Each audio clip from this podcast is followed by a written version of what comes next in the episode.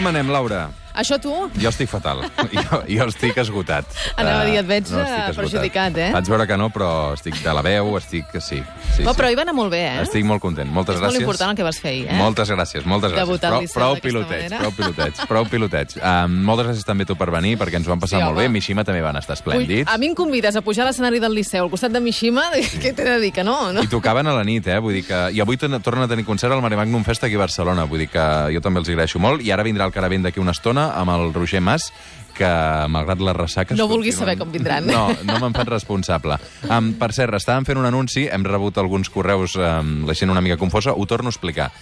Diumenge que ve és la rebetlla de Sant Joan. Diumenge que ve fem programa, fem suplement normal.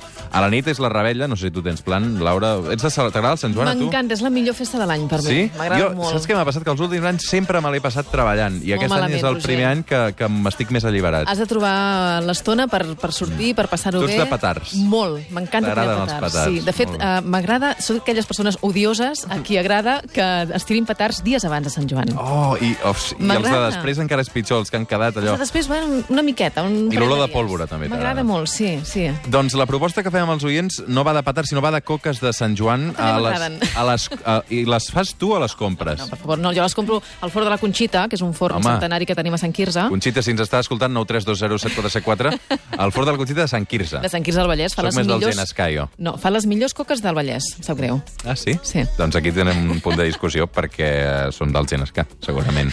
9320744, 9320744, si el Genescà o la Conxita ens està escoltant, que truqui el telèfon del directe perquè també la saludarem i farem discussions sobre com ha de ser una coca de Sant Joan. A veure, què fem nosaltres? Doncs busquem, busquem tres oients que ens portin la coca de Sant Joan cuinada casolanament a casa seva. Aquí les tastarem amb un jurat que estem preparant i qui guanyi la millor coca s'emporta una escapa de relax de Berga Resort. El premi inclou una nit en un bungalow per dues persones amb accés al Turquit al circuit d'aigües termals, que és on m'agradaria estar a mi um, just després d'aquest programa, amb piscines també climatitzades. Si voleu venir, suplement arroba catradio.cat. És a dir, si envieu un correu que no sigui per demanar vull anar al Berga Resort, que sigui, ei, tinc una recepta fantàstica per fer una coca de casolana de Sant Joan i, a més a més, si em va molt bé i m'ho passo bé amb els amics del suplement, guanyaré el Berga Resort. Aquest és l'esperit de, de, de, del concurs. No tenim trucades encara, eh, de la Conxita? Cap problema. A veure, amb Laura Rossell, arribem a la lletra K, Sí. a la lletra K de la Bassada de Lila que cada setmana ens prepares. Recordem que reivindiquem dones i la lletra K dius, bueno, arribem a la lletra K, serà fotuda la cosa. Uh, sí, és, estava complicada la cosa. No pel que fa a la dona, ara hi entrarem, però sí pel que fa al concepte. Eh? Cada setmana ens fixem en un concepte, amb una dona i amb una recomanació. Jo no he trobat diccionari, ni enciclopèdia, ni manual sobre el feminisme que inclogui un concepte amb la lletra K. Si algú en troba, sisplau, que ens ho faci saber. Mm. Per tant, he tornat a fer una mica de malabarismes i uh, avui us parlaré del test de Bechdel. pies entaconados,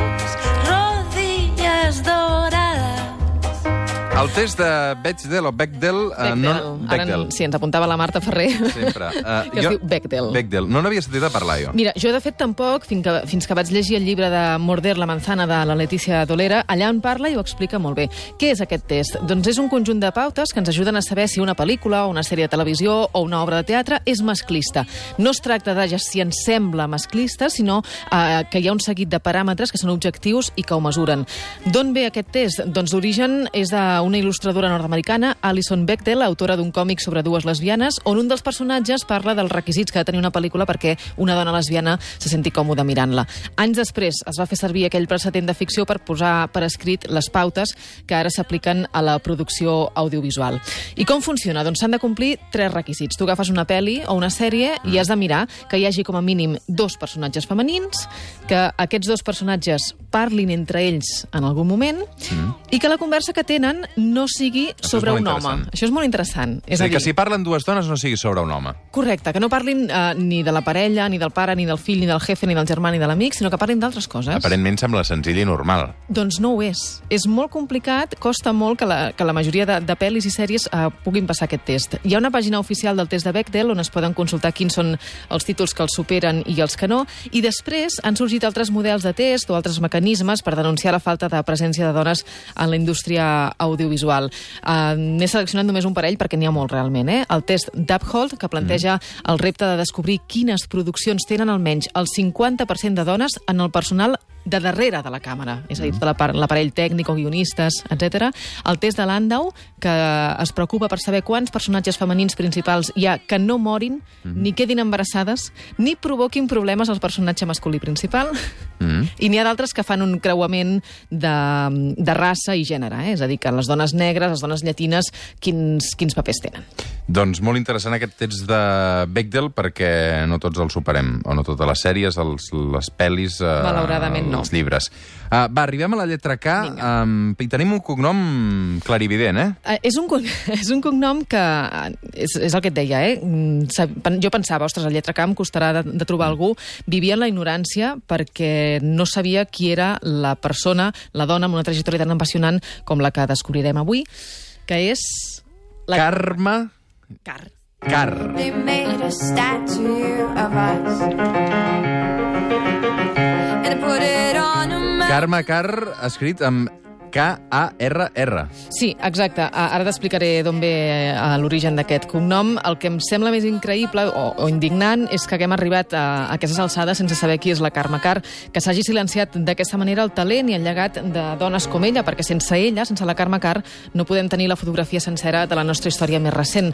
Uh, la contribució de Carme Car al periodisme, mm. així per resumir-ho, eh, al periodisme i al feminisme d'aquest país és enorme. Doncs va, avui traiem aquesta llum a la Carme Car i Alfonsetti, que va néixer a Barcelona l'any 1865. Per tant, anem enrere. i era filla de l'Eugène Carr i de l'Emilia Alfonsetti. Ell és francès i ella era italiana. El pare era enginyer, es dedicava a l'arquitectura del ferro, que en aquella època era un bon negoci a Catalunya, en concret a Barcelona. La mare va morir quan, era, quan ella tenia només un any i després va tenir una madrastra. Té un tiet que es diu Alfons Carr, que és un escriptor molt conegut a França. Per tant, a casa de la Carme Carr es parla francès i es parla italià, la porten a escoles religioses privades on ensenyen en francès i en alemany. Tot i així, això és molt curiós perquè ella aposta pel català. En queda enamorada i el tria com a idioma prioritari per expressar-se i per crear durant tota la seva carrera.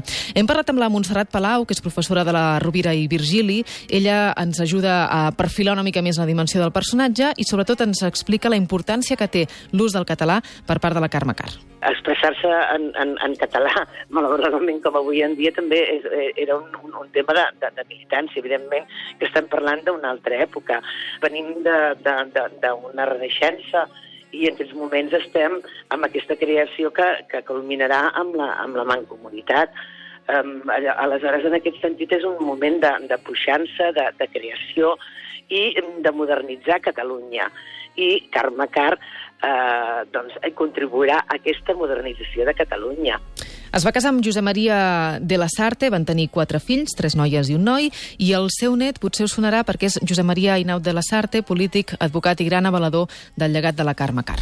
Tu has dit que és una figura clau pel feminisme i sobretot també pel periodisme. Comencem pel feminisme? Sí, tot i que t'he de dir que els dos aspectes estan molt barrejats. Eh? El llegat de la Carme Carr tant en el terreny del feminisme com del periodisme no es poden separar. Ella forma part d'aquell cercle de dones burgeses que decideixen fer coses, mm. que podien haver-se quedat a casa, viure còmodament, cuidant del marit i dels fills, però en canvi fan servir precisament els recursos i les comunitats que tenen, la formació que tenen, per transformar en la mesura del possible la societat o el seu entorn. En concret, en el cas de la Carme, es preocupa molt per transformar el paper que les dones tenien assignat en la societat. Malgrat tenir totes les facilitats i poder eh, portar una vida, diguem-ne, d'oci, o dedicar-se amb elles mateixes o qualsevol altra cosa, es van dedicar a demanar que les dones tinguessin drets. Els hi hem d'agrair aquest, a- aquest avenç, perquè si no hagués estat per elles o per obres de la Carme Car, doncs potser no ho tindríem. Ella estava capficada amb el paper de la dona. La seva obsessió era que les dones tinguessin formació i veu. Per tant, centra els esforços en l'educació i en la visibilitat, és a dir, que tinguessin accés als estudis i la cultura i que tinguessin també espais on donar-se a conèixer. Els objectius, dones que eh, tinguin els mateixos drets que els homes, dones amb capacitat per ser autònomes, també, que això en l'època era molt estrany, que fossin autònomes al marge dels pares, dels marits o dels fills. La, la Carme Carra és una dona moderna. És, estem parlant d'una època que, que diem que és la Catalunya moderna, que a nivell internacional eh, a tot arreu es parla de la New Woman. Eh? És, és en aquell moment de, de, de que les dones eh, canvien fins i tot el seu vestuari, la seva indumentària, i que les dones, sobretot, sobretot, i això és molt important amb la Carme Car i en tot el seu sector, i amb les dones d'aquesta època a Catalunya, és l'accés de les dones a l'educació. Això és el punt de partida. L'obra més important de la Carme Carr és la revista Feminal. Mm. La funda l'any 1907 i durant una dècada serà un referent en el món del periodisme català. Des de les pàgines d'aquesta revista, ella es dedica a lluitar per, per fer realitat aquest ideal que té de transformació social, d'impulsar un nou model de la dona. És una revista mensual, eh, surt publicada com un suplement del setmanari Il·lustració Catalana de Francesc Mateu i està inspirada en les revistes que es publicaven a França en aquella època. La Carme feia de directora, però també de secretària de redacció, de redactora en cap i de redactora rasa. Una mica s'ho feia tot, no? S'ho feia tot una mica, sí. Els números de Feminal avui serveixen com a font d'informació per als historiadors i els investigadors perquè són un catàleg de tota la creació artística, musical, literària i gràfica de principis de segle. És una revista molt moderna, perquè és una revista que, d'una banda, incorpora eh, la fotografia i, per una altra banda, també té tota una sèrie de corresponsals eh, internacionals que, que porten tot un seguit de, de, de notícies de tot tipus, de diversos moviments i de, i, i, i- de cultura i de literatura, i publica música, i publica literatura. I, per tant, és una, un, una revista que realment va trencar motllos i és un, un pas molt important per parlar de, de la premsa moderna. Aquest trencamotllos és important en la figura de la Carme Carr perquè és la, la podem considerar la primera periodista moderna. Fins que ella va arribar, era impensable que una dona escrivís en diaris i en revistes. Per tant, eh, jo crec que podem dir que és la degana de les periodistes catalanes. Per això té tantes facultats de periodisme amb el... Ai, no, calla, que no en té cap, no? No, de no en té cap. amb el seu no nom. Anava a dir la de gana és la Neus Bonet, però... Oficialment sí. Oficialment sí. Um, escrivia amb pseudònims, no, la Carme Escrivia, Carr? sí, correcte. Escrivia amb pseudònims, en tenia diferents, eh, de pseudònims. Una liceïsta, Joana Romeu, aquest li agradava molt. També signava com a l'Escardot. Aquest, uh, aquesta idea li va donar el seu amic a Peles Mestres, perquè car sona igual que cart. Car, ah. s'escriu cart, eh? Mm. Doncs per d'aquí l'Escardot. I després Xènia, per oposició a Xènius, a Eugeni d'Ors. S'enfrontaven, no, amb l'Eugeni d'Ors? Tenien un enfrontament molt interessant. Eren tots dos molt ràpids, molt intel·ligents, brillants, vaja, vaja en l'ús de, de la llengua i, i, i amb la seva capacitat literària, i van intercanviar, eh, bé, sí, doncs un duel, una batalla dialèctica, eh, en concret al voltant del que es considerava que havia de ser una dona. La Carme Carr tenia, tenia una llengua esmolada, també. L'Eugeni d'Ors també sabem que era un provocador eh, dintre de la seva època i en Guií amb un esperit, eh, si mirem el, el, el glossari, amb, amb unes idees més conservadores que no pas la Carme Carr, i que en aquest sentit crec que la, que la Carme Carr sí que era molt més moderna eh, que no pas Eugeni, Eugeni d'Ors en, en, en el sentit eh, social i d'esperit lliure i, i, i a més a més com, com a dona, no? Gràcies a Feminal, la Carme Carr aconsegueix encara més notorietat de la que ja tenia i la conviden a fer un parell de cursos i de conferències, primer conferències, després cursos, a l'Ateneu barcelonès. En aquella època era un espai intel·lectual importantíssim per la societat catalana, l'Ateneu, i això és molt important perquè ella va ser la primera dona que va fer una conferència a l'Ateneu. Era una escena inèdita i va aprofitar l'ocasió ni més ni menys que per reivindicar el dret a vot de les dones. Un discurs trencador, molt valent, que s'adreçava sobretot als homes, perquè els reclamava que obrissin els ulls i que s'assumessin aquesta croada a favor de la dona. La Carme Carr sí que després farà un canvi a partir de 1917. A diferència d'altres dones del seu temps, sí que la Carme Carr demanarà el vot. Aleshores, és aquest el punt de que és una dona moderna, en aquest cas catalana, dintre d'un ordre, que és aquest ordre que li permet el mateix ordre o sistema social polític, perquè són les seves, diguem-ne, eh, les seves idees, és la seva ideologia, i és d'aquesta manera en què es manté eh, eh, aquest sistema de que hem de modernitzar Catalunya. Ara, des de la Lliga i la Mancomunitat, la modernitzem dintre d'un ordre determinat. Per tant, eh, Laura, sense la Carme Carr, segurament eh, les catalanes haurien trigat encara una mica més a votar. Segur. No només va reclamar el sufragi femení des de les pàgines de Feminal, des del faristol de l'Ateneu, sinó que fins i tot ho va demanar en persona al president Macià en una trobada que, que van tenir. El text més conegut de la Carme Carr es va publicar al setembre del 1917 a la revista Feminal amb el títol El vot de la dona. Allà hi deia coses en aquell moment revolucionàries. revolucionàries. Demanava, reclamava el dret històric de les dones com a, com a éssers humans humans a tenir el- la mateixa veu i el mateix vot que, que els homes. Què va passar amb aquella publicació? Doncs que la burgesia catalana no, No la va agradar, encaixar. no? no, no li va agradar gens. De fet, li van retirar les inversions a la revista i això va condemnar Feminal a l'ofec econòmic, tant que pocs mesos després acaba tancant i ja no va haver-hi manera de remuntar-la. A partir d'aquell moment, la Carme eh, es dedica a, a altres activitats, va fundar la primera residència per dones, la Llar, l'any 29 va assumir la direcció del Pavelló de la Dona a l'Exposició Universal de Barcelona, després va fundar una associació que es diu Acció Femenina, en conjunt deixa una obra molt extensa que va més enllà de la revista perquè va escriure novel·les, va escriure també una obra de teatre, diverses crítiques i investigacions musicals, també partitures i arranjaments de peces literàries d'autors catalans per piano,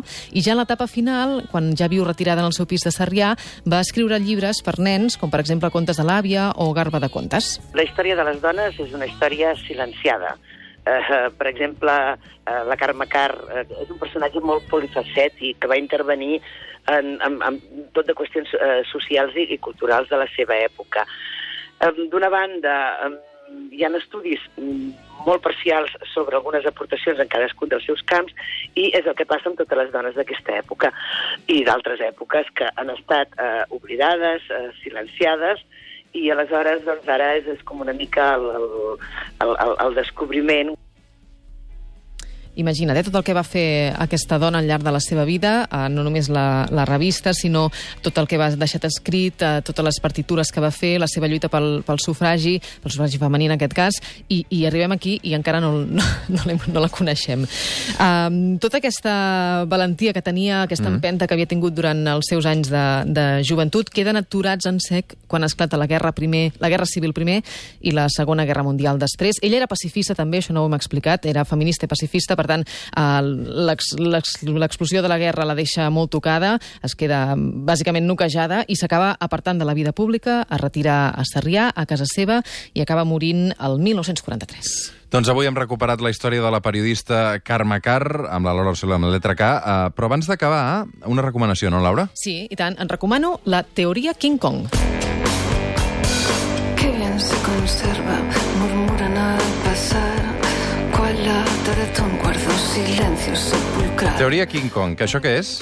Doncs mira, uh, és un escrit de Virginie Despens, no sé com es pronuncia Despens, és francesa, està editada en català per l'altra editorial, és tot un fenomen, Sí. i aquí li atorga aquest llibre la categoria de manifest feminista. El que és segur és un dels llibres de més èxit dels últims anys. És controvertit, és punyent, és transgressor, eh, una mena d'assaig eh, autobiogràfic on eh, torpedina tots aquells convencionalismes com el matrimoni, la feminitat, la maternitat, parla de pornografia, parla de prostitució obertament, i és tan bon llibre com la història de la seva autora, la Virginie, que té una història molt bèstia, una trajectòria plegada d'alts i baixos, una vida molt convulsa. Si ens situem en quan tenia 15 anys, els pares la ingressen en una clínica psiquiàtrica durant 3 mesos perquè no l'entenen. És una adolescent molt, molt, molt rebel i no saben com tractar-la, la tanquen. D'allà surt ella encara més rebel, eh, molt vinculada a la cultura underground i al punk rock. Als 17 anys marxa de casa, la violen, comença a treballar com a prostituta per voluntat pròpia, durant 3 anys ho fa, i finalment, eh, quan se'n surt de tot això, comença a escriure. Llavors, Teoria King Kong és un dels... no és el primer llibre ni molt menys que ha escrit, eh? Mm. però sí que és el més conegut, i neix de l'impuls que sent d'explicar la violació, un capítol que fins aleshores ell havia raconat, feia veure que no li havia passat i que no li afectava, i és ara, quan ja és a l'etapa madura, no? amb els 48 anys que té, que reconeix que aquella violació, evidentment, li va deixar una marca profunda. Uh, salta a la fama quan té 24 anys, el 93, amb la novel·la Follame, que després ella mateixa adapta al cinema. Més enllà de les experiències que hagi viscut la Virginie Despens, a nivell intel·lectual està molt inspirada, molt influïda per Angela Davis, uh, pel seu llibre Mujeres, raza i classe, i ella situa precisament la qüestió de, de classe en el centre de la seva teoria del feminisme i denuncia, per exemple, aquesta moral amb què Europa relaciona amb el sexe. Diu que ho atribueix a la, a la influència del cristianisme que fa que veiem en el sexe alguna cosa dolenta o indigna. 5 minuts per arribar a dos quarts de 12 del migdia. Et vull fer una sorpresa, Laura Ai, Rossell. ai, quina sorpresa. Conxita, bon dia. No m'ho puc creure. Mons... Catalunya Ràdio, diguem. Catalunya Ràdio, digui'm. Soc el Roger Escapa del suplement de Catalunya Ràdio. M'han dit que és la Montse, la filla de la Conxita. Jo sóc la Conxita, la filla de la Conxita, també. Hola, Conxita, bon dia. Bon dia. Estem en directe. Estem, en estem directe, en directe. estem en directe amb la Laura Rossell aquí al suplement. Ah, ah, jo li explicava... Tenim una productora que és extraordinària, que és la Sònia d'Olofeu, i ha trobat la Conxita. Saps què? Jo li explicava a Conxita que les millors coques de Sant Joan, bé, per no parlar del pa, del, de tot el que feu aquí, és, és el fort de la Conxita. Parella, per veritat de publicitat. Nosaltres som una família molt modesta.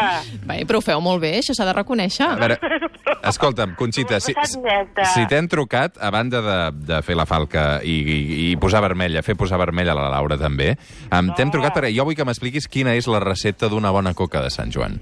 Ah, doncs jo no ho sé, això ho ha de dir un forner. Ah, o Molt bé, molt bé, guardant el secret. Molt bé, No Conxita. podem dir-ho. Hi ha molta competència. No, però allò, eh, què he de tenir en compte? Si aquest any em decideixo fer la casa, allò... allò quatre, Ha un, parell, ser- un parell de consells. Re, Conxita, ha de ser autèntica i l'ha de fer molt d'amor. Ja està. Sí, eh, que sí? autèntica. Ja està. No. Doncs, mira, aquest any potser li faré la competència al Genescà i vindré que a la Conxita. Oh, vés-hi, vés-hi a la Conxita, ja veuràs. Ara deuen tenir cua, ja veuràs, perquè No, clar, no vull... No, l'estem entretenint. Està a la platja, eh? Està a la platja tothom? Tothom, sí. Tothom està a la platja avui. Sí. Va. Escolta'm, Conxita, moltes, moltes gràcies. Um, la setmana que ve fem aquest concurs, vull dir que si, si et ve de gust, suposo que estaràs atabalada, No, no, però no, sí. no. Home, a la Laura, mira, um, potser li... Sí, li, a banda de la, de la coca, potser que si li farem un, una presa de xocolata de regal, ni que sigui. Sí, home, i tant. I tant. Um, podeu vindre aquí, eh? Sí, ja vindrem, a dinar i tot. Mira, potser, ara que em digui, no tinc plan per Sant Joan, vull dir que, Conxita, si em convides a sopar, passo la rebella a casa, també. No, bueno, no, et convidarem amb una coca. Una aquí coca. Ja veuràs, ja veuràs quan les tastis. Ja passarem. Una abraçada ben forta cap a Sant Quirze del Vallès. Una abraçada, Conxita. Adéu, adéu. Has vist, Laura? Ostres, que bona, eh, la Sònia. Això és la Sònia. Dos minuts per arribar a dos quarts de dotze. Gràcies, Laura Rossell. Una abraçada. Vinga, vosaltres. Fem una pausa i arriben... Esperem que arribin. Roger Mas i David Caravent al suplement. Fins ara.